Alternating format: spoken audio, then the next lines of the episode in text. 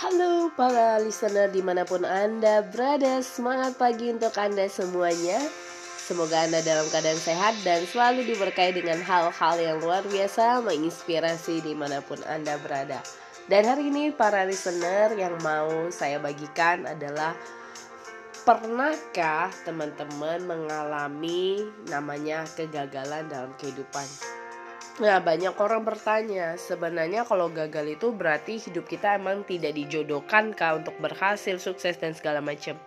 Tidak ada yang bisa menentukan kesuksesan seseorang, ya tidak ada yang bisa menjadi Tuhan segala macam.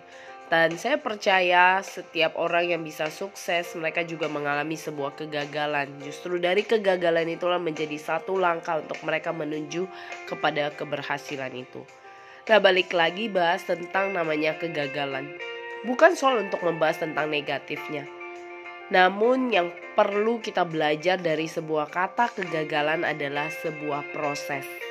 Kadang kita sebagai manusia kita pengen instan, kita pengen semuanya cepat, mau sukses untuk anak-anak zaman generasi saat ini, generasi uh, milenial alpha. Orang berpikir bahwa oh saya ingin cepat kaya, saya ingin cepat sukses, tapi balik lagi proses seperti apa yang Anda alami? Sudahkah Anda mengalami benturan, mengalami banyak jatuh bangun segala macam? Nah, balik lagi ngomongin kegagalan. Berarti kita harus gagal terus-menerus tidak. Ada mungkin orang yang tidak gagal mereka langsung sukses, ada yang memang mengalami berkali-kali. Bagi saya pribadi saya juga mengalami kegagalan berkali-kali. Oh, coba ini kok kayak begini, coba ini kok kayak begini. Akan ada titik-titik kejenuhan yang muncul dan segala macam dan akhirnya menyadari bahwa sebuah kegagalan itu sebenarnya mengajari kita banyak hal ya mengajari kita bagaimana yang namanya berjuang, mengajari kita bagaimana yang namanya bersabar, mengajari kita bagaimana namanya bertumbuh, mengajari kita bagaimana mengembangkan skill pemimpin kita dan sebagainya.